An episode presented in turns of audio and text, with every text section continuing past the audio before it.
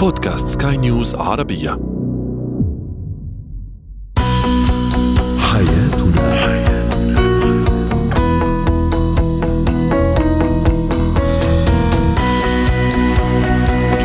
مستمعينا الكرام أهلا بكم. معنا إلى حياتنا فضاؤكم اليومي الذي يعنى بشؤون الأسرة وباقي الشؤون الحياتية الأخرى والذي يمكنكم الاستماع إليه عبر منصة سكاي نيوز عربيه dot com slash podcast وباقي منصات سكاي نيوز العربية الأخرى. شاركونا أيضا عبر رقمي الواتساب 00971 561 88 6223 معي أنا آمال شابه اليوم نتحدث عن كيفية بناء علاقة إيجابية مع الشريك مع الزوج مع الزوجة مع الخطيب أو الخطيبة أيضا حتى قبل الزواج يعني تأسيس لهذا الزواج. أيضا سنتحدث في فقرة زينة الحياة عن كيفية إنهاء إلحاح, الطفل عفوا على موقف معين. وأخيرا ما هي أهمية التحفيز الذاتي بالنسبة للشخص؟ هو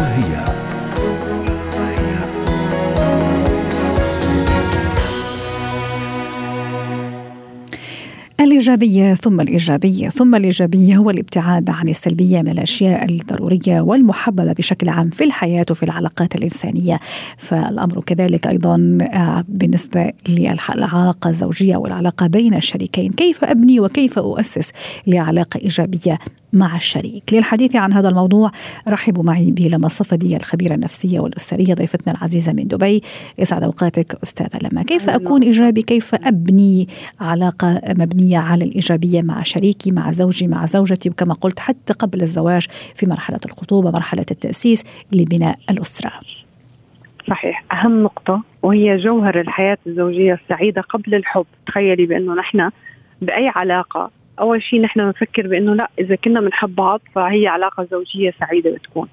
في نقطة أهم من الحب اللي هي الاحترام. صح. الاحترام ما بين الشريكين والاحترام هو ليس فقط الاحترام بإنه نحن نتصنع احترام الآخر لا هو عندما نتعرض لمواقف حياتية معينة مهما كانت شدة هي المواقف يظل الاحترام هو سيد الموقف.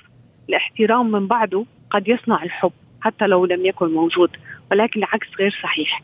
لو كان في قصة حب عمرها عشر سنوات تخيلي. وبعدها تخللها عدم احترام ما بين الشريكين قد يموت. ينهار. أو ينهار تماما. رائع. جميل. أنا أيضا ما أعرف كمان أنا مؤمنة بهذا بهذه الفكرة. يا ريت أيضا تشاركينا الرأي وتعطينا رأيك والسادة المستمعين أكيد راح يعني يسمعونا ويتشاركوا معنا موضوع إني أنا أدخل في علاقة سواء سواء كنت زوج أو زوجة فتاة أو شاب يعني قبل الزواج أو حتى في الزواج وأنا عندي أفكار مسبقة أيضا على الزواج أو على الرجل أو على المرأة. يعني أفكار سلبية أفكار مسبقة أفكار هدامة للبيت وللأسرة وللزواج بشكل عام. إني ما أكون إيجابية أو ما أكون إيجابي تجاه مؤسسة الزواج تجاه مفهوم الزواج وتجاه الرجل يعني كرجل أو المرأة كمرأة. صحيح. اللي بصير بأنه هاي من الواقع اللي تفضل تفضلتي فيه هو فعلا عين الصواب. القصص الواقعية بأنه أغلبهم بيدخلوا لعلاقات الزواج بناء على علاقة أهلهم. يا أما بيكون أو داخل حرب أنا أو داخل حرب تماما. يعني داخله لا أحارب داخله لا يعني وكأنه في في عدو لازم أثبت أنه أنا أنا الصح يعني وهو الغلط أو هي الغلط. صحيح فبيكونوا داخلين بحالتين. يا أما بيكونوا كرهانين تماما العلاقة اللي هي العلاقة الزوجية بين الأب والأم فبيروحوا للعكس. ولكن كيف بيروحوا للعكس؟ أحيانا مثلا هي بتعرف بأنه أمها دائما هي الأم المتسلطة القوية العصبية إلى آخره. لما بتتزوج بتكون هي المرأة الخانعة الساكتة اللي ما بتحكي. لأنه هي كانت تكره الصورة النمطية عن أمها بالعلاقة الزوجية. أو مثل ما تفضلتي بأنه نتيجة التجارب اللي بيسمعوها عن الخيانات عن الأذى النفسي عن عدم التقدير عدم الاحترام فهي داخلة من الأساس وكأنه أنا من الأساس وكأن هي معاهدة اتفاقية تجارية. مم. واحد زائد واحد يساوي اثنين. هي التوقعات المسبقة هي جدا سيئة. ليش؟ لأنه أولا نحن دائما بنروح لمفهوم الفروق الفردية. ما في أي شخص بالعالم ممكن يشبه شخص ثاني. لكل منا حياته تاريخه تكوينه شخصيته. فبالتالي نحن كل شخص فينا هي حالة متفردة بالعالم. جميل. وما رأيك أيضا أستاذة لما في موضوع آه، يعني دائما في العلاقة الزوجية وفي الحديث عن الإيجابية إني أنا أعمل كزوج أو زوجة على خلق عادات إيجابية مع الشريك أو مع الشريكة حتى إذا هذا العادات ما ما كانت موجودة. يعني ما المانع إني أنا أبتكر وإني أعمل على خلق هذه العادات الإيجابية واكتشاف أيضا أشياء إيجابية في شريكي في زوجي وفي زوجتي أيضا. ربما هذه أيضا فرصة اليوم ونداء اليوم ورسالة حتى نكتشف الجوانب الإيجابية من الشريك ونخلق أيضا عادات إيجابية مع بعض. صحيح. أنت بتعرفي من الحالات اللي مضحكة مبكيه بأنه الاستشارات اللي بشوفها أحيانا بيجوا بعد عشر سنين زواج بعد فترة بتكتشف إنه هو عنده كان صفات إيجابية. أو بيكتشف الزوج بأنه فعلا زوجتي عندها هذا الجانب. لأنه ما هذا هو اللي كنا نحكيه قبل شوي أستاذة لما أنه ندخل في علاقة وحنا محملين بأفكار سلبية سوداوية مدمرة. صحيح أفكار سوداوية واحيانا الصورة النمطية يعني الصورة النمطية اللي كل واحد فينا بياخذها عن الآخر. بالإضافة أنه كثير من الأزواج ما بيتعبوا حالهم ليغيروا الآخر. يعني أنت بتعرفي ليش الشخص ممكن الزواج ممكن يبدأ بالانهيار؟ الرغبة بالتغيير والتعديل. في كثير من الزوجات بتقول مستحيل يتغير. هاي الكلمة هي أسوأ كلمة ممكن تقال في الحياة الزوجية. أنا زوجي مستحيل يتغير. والدليل اللي على أرض الواقع بأنه نفسه هذا الزوج أحيانا يخوض تجربة زواج ثانية ويتغير. اذا هو قابل انه يكون شخص متغير ولكن ممكن الأسلوب الطريقة نمط الحياة وممكن حتى طريقة تعاطي الأشخاص مع الشخص. أنا ممكن اليوم أفتح معك حديث أستاذة بأسلوب مستفز فأنت تستفزي. تماما. ممكن أنا أفتح معك بأسلوب محترم وفي تقدير فأنت تبادليني نفس طريقة الاحترام. وحتى قبل التغيير يعني قبل ما أغير أنا أتصور أنا اللي لازم أتغير هذه أول شيء. وأيضا القدرة على التكيف حتى إذا هذا الشخص لم يتغير فالقدرة على التكيف أتصور هون الذكاء ذكاء الشريك إنه يتكيف مع هذا الشريك الآخر ومع السلبيات في انتظار إنه هذا التغيير وإن جاء على مراحل فاللهم بارك إن لم يأتي على مراحل فأنا هون تكيفت. وأيضا تغيرت أنا التغيير راح يكون على مستواي الشخصي قبل ما يكون مع الشخص الآخر أو الطرف الآخر. صحيح. انت صدقتي انت بتعرفي حتى يعني الكلمة الرائعة اللي حكيتيها اللي هي التكيف والمرونة، المرونة هي تغيير على عكس المتعارف عليه. عادة نحن بنقول آه أنا خلص تعودت. لا في فرق المرونة هي إنه أنا أتقبل إنه شريكي لديه طباع سيئة ولكن بشرط هي الطباع ما بتنكب حياتنا وأنا متأقلمة معها بحيث إنه نحن اثنين سعداء. هي هي قمة المرونة أو هي اللي نحن بنسميها الذكاء الذكاء. في بالتعاطي مع العلاقات الزوجية يعني. رائع. فلهيك ممكن نشوف شخص فعلا زوجته عندها من الحكمة والحنكة انها قادرة تغير من طباعه أو تخليه يتكيف مع الطباع اللي منك والعكس. جميل. وحتى نختم معك دكتورة آه، لما على خير اليوم هذا اللقاء. نسمع كثير مثلا أنه العلاقات الإيجابية دائما بين الزوجين أو العلاقات الناجحة اللي أنا أكون فيها صديقة لزوجي أو صديقي أو عفوا زوجي يكون صديق لي. كيف أخلق أخلق عفوا هذا الصداقة بيني وبين الشريك وبيني وبين الزوج حتى تكون العلاقة مبنية على الإيجابية؟ صحيح. الصداقة بتنخلق بثلاث نقاط. أولا عدم الملامة عند الخطأ وهي نقطة كثير مهمة نحن. على أي شيء. أنا إذا بعته على السوبر ماركت بجيب لي كيلو بطاطا واجت حبة بطاطا خربانة فبتصير مصيبة. المرة وما يصير الغداء. مثال المضحك. مرة ثانية لو صار معه مشكلة مع صديقه ما راح يخبرني. لو صارت المشكلة أكبر معه. أنا هون بطلت. يعني نحن بناخذها من ابسط تفاصيل حياتنا اللي بتضحك. فلما أنت نبطل أنت أو أنت نلوم الأشخاص على أخطائهم هي بنعطيه مجال لأنه أنا أستطيع أنه أرمي بأخطائي على شريكي وهو رح يتفهمني. والنقطة الثانية اللي حكيناها بالبداية اللي هي الاحترام لأن الصداقة أيضا احترام. حتى ما بين الأصدقاء إذا ما كان في الاحترام موجود ممكن تخرب الصداقة. والنقطة الثالثة والمهمة دائما لا أكتفي لا أشعر بالعجز تجاه العلاقة. نحن في الطلاق الصامت هو أصعب أنواع الطلاق لأنه في كثير بنشوف بالمجتمع عايشين بنفس البيت يأكل شخص بحياة يا أما هم فعلا منعدمين بالعلاقات وهذا أسوأ أنواع الطلاق. صحيح. المحاولة المستمرة وأكيد دائما موجود دائما في فرص ودائما في أمل ودائما في سبل ودائما في عمل في هوم وورك لازم ينعمل يعني ممكن هذا من بين الأخطاء اللي يقع فيها بعض الأزواج أنه خلاص آه، أول ما يعني تزوجوا ممكن جابوا أولاد خلاص بالنسبة لهم انتهت المهمة في حين أنه المهمة دائما مستمرة والعمل دائما مستمر على تطوير هذه العلاقة لأنه شأنها شأن كل العلاقات الإنسانية موجودة في هذا الدنيا. يعني لازم تحتاج لتغيير لتطوير لمتابعة واستمرارية. شكرا لك أستاذة لما الصفدي ضيفتنا العزيزة من دبي. زينة الحياة.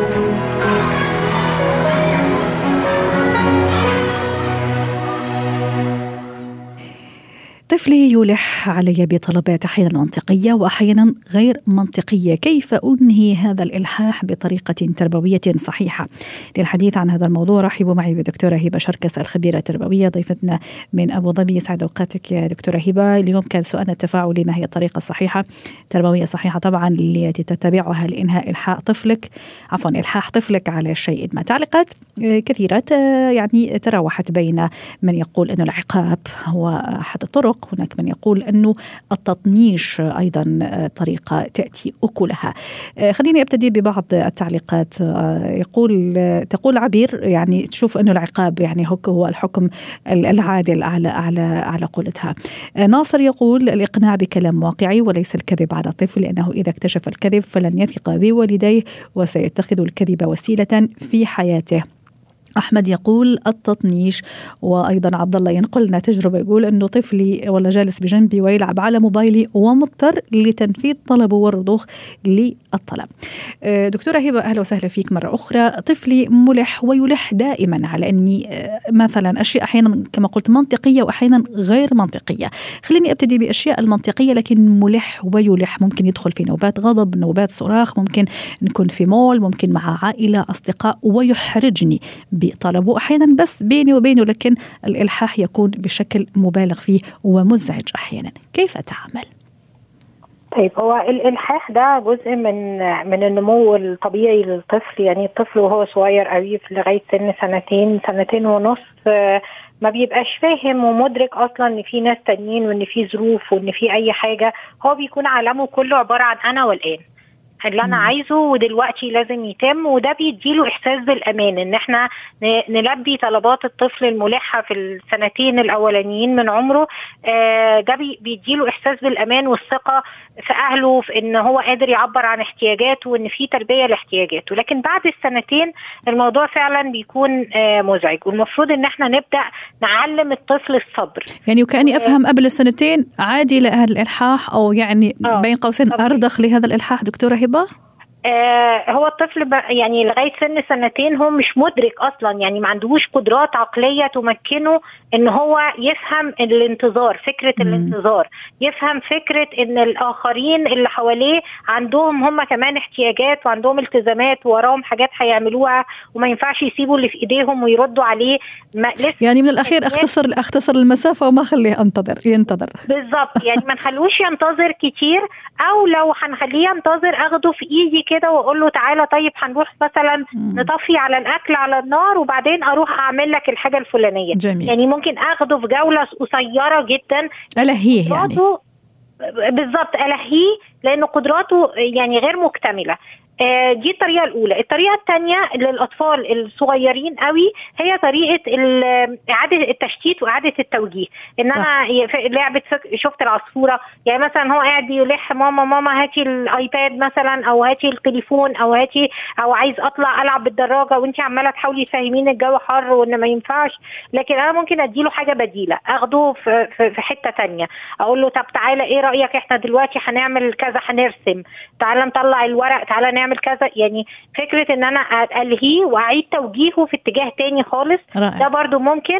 وفكرة المرح إن أنا أجي أزغزغه وألعبه أنت عايز تعمل كذا أروح شايلاه بطريقة معينة ومشقلباه الطفل ذاكرته بسيطة يعني هيكون لسه صح. بس إن أنا محتاج دقيقتين ثلاثة خمسة ألهيه أفضل من إن أنا أسيبه يلح عشر دقائق ويزن وفي الآخر ارضخ لطلبه صح وممكن يدخل في نوبة بكاء وصراخ طيب رائع جدا. قبل السنتين طريقتين آه. يعني ده ده الفكرة في السنتين الأولانيين. رائع. بعد كده آه فكرة إلحاح الطفل دي إحنا بنتعامل معاها في التوقيت الغلط إن هو لما يلح هربيه. لا هو المفروض إن قبل ما يلح. أنا متوقعة إن طفلي لحوح ده طبيعي إن هو يبقى لحوح. وأنا عايزة أكسبه مهارة الصبر وعايزة أكسبه مهارة إنه يفهم آه إن أنا عندي أنا كمان وقت وإن هو يعني الكلام دي مهارات أنا محتاجة أكسبها لطفلي فأنا محتاجة إن أنا آه اعمل يعني أعلمها له قبل آه، يعني قبل ما يدخل نوبة الإلحاح مش بعدها. فتيجي الأم وبتبدأ تقول لطفلها مثلا هي عارفة إن هو بيلح على حاجة معينة تبدأ تقول له تعالى نعمل جدول بالحاجات ال- الروتين بتاعنا علشان ما يلحش على إن هو عايز ياخد الآيباد في الوقت الفلاني أو إن هو عايز يطلع بالدراجة في وقت الشمس أو إن هو آه، الطلبات بتاعته اللي هي متوقعاها لأن الأطفال متوقعين. فإحنا حطينا الحاجات دي ممكن نبدأ نصور الطفل وهو بيعمل الحاجات دي وبعدين أبدأ أقول له تعالى حط الحاجات دي في جدول تحت بعضه كده رصهم بالترتيب ونحط شمس ونحط قمر ونخليه يبدأ يعمل روتين ليومه. فكرة الروتين بتاعت اليوم بتاع الطفل بتقلل الإلحاح دي واحدة من الأفكار. في فكرة تانية إن أنا مثلا هتكلم في التليفون ومش عايزة حد يزن عليا ودي حاجة كومن جدا مشهورة جدا ما بين الأمهات. فتيجي الأم وتقول لابنها اللي عنده مثلا ثلاث سنين تقول له أنا هعمل مكالمة تليفون ما ينفعش تيجي تطلب مني حاجة في التليفون. في البدايات وهي بتدربه تبقى بتعمل مكالمات مش رسمية. يعني مكالمة لأمها لأختها لصديقتها حاجة تقدر تقطع التليفون وترجع تعود تربية الابن لأن دي فترة تدريب. وتقول له إن أنا في خلال خمس دقائق 5 minutes مثلا أنا مش محتاجة إن أنت تكلمني وممكن تبقى جايبة ساعة رملة علشان الطفل ما بيفهمش الزمن. وأنا جميل. من الزمن ال ال ال النفسي للزمن ال ال الفيزيكال بتاعنا الطبيعي. فحط ساعة الرملة أقول له لما الرملة كله تنزل ماما هتقفل التليفون وتعمل لك اللي أنت عايزه. و... واسيبه وهو بدربه فهو طبيعي انه مش من اول مرة هيسمع الكلام فهيجي يقاطعني مرة واثنين وثلاثة وخمسة لغاية لما واحدة واحدة يبدأ يتعود انه بيعرف يستنى خمس دقائق لكن من غير ما أدربه ما توقعش إن الطفل هيبطل إلحاح. رائع. لما أجي أتح... أتعامل مع الطفل وقت الإلحاح ده مش ح... مش هربيه لأن هو عنده إغلاق عقلي يعني. الطفل لما بيخش في نوبة الإلحاح بيبدأ التفكير عنده يقف وهو أصلا التفكير مش نامي عنده فبيبقى مستغرق في أنا والآن لكن لما أعمل له ساعة الرمل دي وأعمل أنا تجارب يعني أنا هكلم صاحبتي اللي عارفة إن أنا بدرب ابني ولو الح هقفل معاها السكة وهقول له إن اللي أنت عملته ده غلط وإن إحنا محتاجين نجرب تاني وممكن البي له طلبه يعني أو أو أشغله وأعمل له حاجة تانية لغاية لما عدي مرحله التدريب. ممكن أقعد أدربه شهر. بس بعد الشهر أنا هرتاح. لكن لو ما عملتش شهر التدريب ده أنا هقعد عشان أطلع ابني من الانيه هقعد سنين.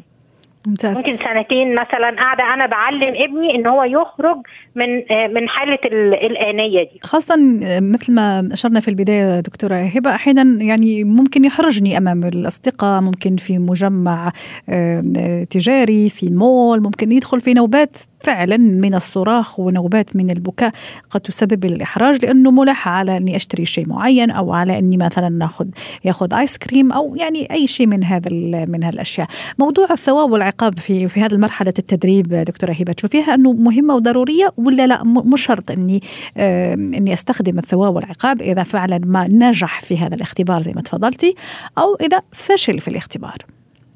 ولما بينجح في, في الاختبار هو في حاجة اسمها التشجيع. التشجيع أنا بفضله عن الثواب والعقاب. التشجيع يعني إيه؟ يعني إن أنا مثلا عايزة أدرب ابني إنه يستناني ثلاث دقائق وأنا بتكلم في التليفون. هو طبعا خمس دقائق دي المفروض تكون مرحلة متقدمة. يعني هو أنا ببدأ دقيقتين ثلاثة خمسة لغاية لما يبدأ يتعود إن هو يسيبني يعني. ممكن يكون في حد تاني بيساعدني وليكن مثلا آه، أخوك كبير الأب أي حد بيساعدنا ويقول بص قرب الرملة ينزل برافو أنت ممتاز أنت هتقدر تصبر لغاية لما هو تخلص ال- المكالمة. ده. اسمه تشجيع. التشجيع هو التشجيع على مواصلة الالتزام باللي إحنا اتفقنا عليه بالاتفاق المسبق. لكن الثواب هو للنتيجة إن هو صبر الخمس دقائق فكلنا آه، سقفنا له وقلنا له برافو عليك وانت استنيت الخمس دقائق كاملين ده اسمه ال- الثواب العقاب ان هو ما كملش فانا اخدته وعاقبته العقاب مش بيبقى مجدي في السن الصغير لأن. إحنا بنحاول نعلم الطفل الانضباط فالأفضل إن يكون في حد بيساعده إن هو يشجعه والأفضل مم. إن هو لو صبر دقيقتين من الخمسة إن واضح. أنا أثني على الدقيقتين مش أعاقب على الثلاث دقائق أقول له أنت قدرت تصبر دقيقتين وأنا متأكدة إن أنت هتقدر توصل للخمس دقائق واضح شكرا لك دكتورة هبة شركس الخبيرة التربوية ضيفتنا العزيزة من أبو ظبي. مهارات حياه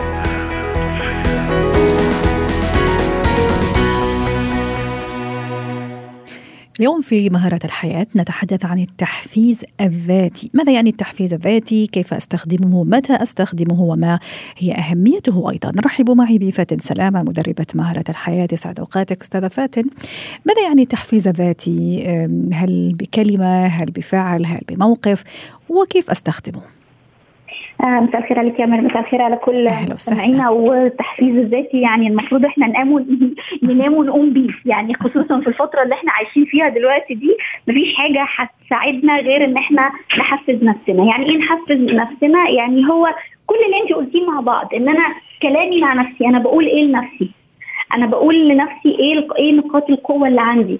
أنا بقول لنفسي هقدر أستخدمها إزاي؟ أنا بقول لنفسي آه، عايز أوصل فين؟ إيه الهدف اللي أنا عايزة اوصل له؟ مين اللي ممكن يساعدني إن أنا أوصل للهدف ده؟ لما بعد ما ما هوصل للهدف ده هكون عامل زي التغيير اللي هيحصل ليا في حياتي. يعني ما بين الفيلير ما بين النجاح وما بين الفشل العامل الحفاز اللي بيكون بيخليني أروح من هنا لهنا هو التحفيز الذاتي اللي أنا بقوله لنفسي اللي أنا قدرتي على فهم نفسي وقدرتي على استيعاب نفسي وبالتالي إيه الكلام اللي أنا هقوله لها عشان أروح من النقطة دي للنقطة دي. رائع عجبتني كثير فكرة قدرتي على إني أفهم نفسي وبالتالي لما أفهم نقاط قوتي ونقاط ضعفي أكيد راح راح تكون عندي الخريطة السيكولوجية أو النفسية لذاتي أليس كذلك فاتن؟ طب هذا التحفيز يكون مثلا بشكل يومي كيف يكون؟ أعطيني الآلية أيضا فاتن. أنا هقول لك على حاجة أنا بعملها حتى مع المراهقين لأن أنا معظم تعاملي في الفترة اللي فاتت كان مع مراهقين سواء ورك شوبس أو أو جلسات. أنا بقول لهم أول حد أنت بتشوفه أول ما بتصحى من النوم هو أنت. صح. تغسل سنانك بتشوف بت بت بت بتغسل وشك بتشوف نفسك. فأنت بتشوف نفسك هتقول لها إيه لأن دي أول حد أنت هتشوفه دلوقتي. فبالتالي إن أنا بقوم بكل طاقة طبعا في ناس كتير بتبقى شايفة إن الكلام ده كلام ولكن دايما بقول طب جرب ولو يعني لو ما كسبتش مش هتخسر. يلا فرصة اليوم ها فاتن رسالتنا وندائنا للكل اللي عم يسمعنا. يلا جربوا اللي ما عم يعمل التحفيز الذاتي. آه، فرصة ابتداء من من الآن آه، لما لا نحفز ذاتنا بذاتنا ونشوف النتيجة. بالظبط فأنا بقول دايما أول ما بصحى من النوم بفتكر إن أنا يعني حتى في كتاب كنت اتكلمت معاه مع عمر من عليه مع عمر من كذا يوم اسمه ايكيجاي اللي هو كتاب بيتكلم عن الفلسفة اليابانية. الناس دي ليه معمرة؟ الناس دي ليه بتعيش آه، عدد سنين؟ اطول طبعا الأعمار بيد الله ولكن لأن هم بيقوموا كل يوم علشان عندهم هدف عايزين يوصلوا له وعايزين يوصلوا له بشغف عايزين يوصلوا له هم مش زهقانين ما عندهمش في القاموس اللغة كلمة ريتايرمنت أو أو تقاعد. فبالتالي بصحى وكل نشاط إن أنا هعمل ال ال الشيء ده. أنا عن نفسي أنا فاتن كاتباها على المراية. يعني أنا كاتبة على المراية على المراية اللي عندي اللي أنا بشوف فيها نفسي أنا النهارده بقى هعمل يعني أنا إيه الهدف اللي أنا بعمله في الحياة؟ فبالتالي دايما بقول لو خلاص تعبت وهتقف والبطارية هتفضى افتكر أنت بدأت ليه؟ جميل. فكر الطريق ده أنا بدأته ليه؟ فدي أول حاجة إن أنا بحدد هدفي بحدد أنا آه، صاحي ليه هعمل إيه و... وضروري تكون واقعية الأهداف صح ولا لا فاتن؟ طبعا مم. لازم تكون واقعية. ولو أنا شخص يعني تعرضت إلى خيبة أمل أو آه هذا اللي كنت راح أسألك عنه. آه. تفضلي. آه يعني أنا تعرضت لخيبة أمل كتير. تعرضت يعني ما بحبش أنت عارفة يعني خلاص أنت حققتني ما بحبش كلمة فشل. أنا بحب أحسن نتائج غير متوقعة فبالتالي يعني أقلل من سقف التوقعات بتاعتي إحنا ممكن أحيانا تلتقي مع أشخاص ممكن هدفهم ويعني هدفهم الأكبر إنه مثلا يحطمك مثلا أو يقلل من من قدراتك مثلا. وأنا من الأشخاص اللي مثلا أحفز ذاتي بذاتي. كيف حتى ما تتأثر يعني هذا هذا الشيء بهذا الإصرار الدائم لبعض الأشخاص؟ كما قلت إنه دائما يحاول يحطمك يحاول إنه يشككك في نفسك. آه. أنا أنا للأسف لحد النهارده مش قادرة أفهم ليه أنا ممكن أسمع لأمال أدام أمال بتحطمني. ليه أنا ممكن أسمع لفلان أدام فلان بيقلل من ثقتي بس أحيانا ممكن امل عندها طريقة فعلا تقنعك إنه مثلا فعلا فاتن يعني آه، فعلا مثلا عندها تقصير في في شيء معين قدرتها مش أوكي في يعني عندها هذا القدرة إنه تقنعك. شفتي دكتوره هبه كانت بتقول لك إيه من شوية إحنا هنبص على الطفل اللي صبر دقيقتين هنبص على الثلاث دقائق اللي هو ما صبرهمش. أنا بقى من نفسي لازم أكون عارفة يعني حتى دايما بقول يعني الكلمة نور ناخد بالنا قوي إحنا بنقول إيه للناس اللي قدامنا. أنا ممكن أقول لك ما شاء الله برنامج رائع وال... والفقرات حلوة و و بس كان ممكن نزود كذا. فبقول لك الكويس اللي أنت صحيح. ولكن لو أنا بتعامل مع شخص فاكرة كنا قلنا العوامل الحفازه اللي حوالينا. لو هو هو هو, هو مش عامل حفاز هو عامل بيكسر من الطاقة بتاعتي. هو دي موتيفيتنج ليا فبالتالي بخرجه عن دايرة حياتي. بخليه زميل في العمل بخليه جار ليا ولكن ما يدخلش دايرة حياتي وما يأثرش على السيكولوجي بتاعي. ما يعني لا يؤثر على ال approach بتاعي للحياة. يعني يمكن كيف تضحكي مثلا ده ده ده, ده الحالات بتزيد والكورونا ما أعرفش بيحصل فيها إيه. أنا ما بسمعش أنا بعمل حاجة اسمها ال deaf listener اللي هو المستمع المنصف اللي هو أنا بص لكن أنا عارفة قدراتي وعارفة نقاط قوتي. يعني وبأكد عليها بص على نقاط القوة لأن هي دي اللي هتحفزك إن أنت تاخد خطوة. كلنا عندنا نقاط قوة ونقاط ضعف. ما تبصش على نقاط الضعف دلوقتي وما تحاولش إن أنت تقوي نقاط الضعف. لا استغل نقاط القوة علشان تقدر تقدر تحفز نفسك تشوف أنت شاطر في إيه وعايز تعمله. وزي ما قلنا الناس اللي اللي يعني اتعرضوا لخيبة أمل وما إلى ذلك. نزل من سقف توقعاتك يعني كنت فاكرة أنا وانت اتفقنا نتعلم أسباني بدل ما نقول إن إحنا نتعلمه في, في, في, في سنه نتعلمه في سنتين صحيح واضح. واضح. فاتن اهم شيء أيضا نكون محاطين بالأشخاص الايجابيين الأشخاص أيضا اللي يحفزونا. شكرا لك فاتن سلامة ضيفتنا العزيزة مدربة مهارة الحياة من دبي. حياتنا.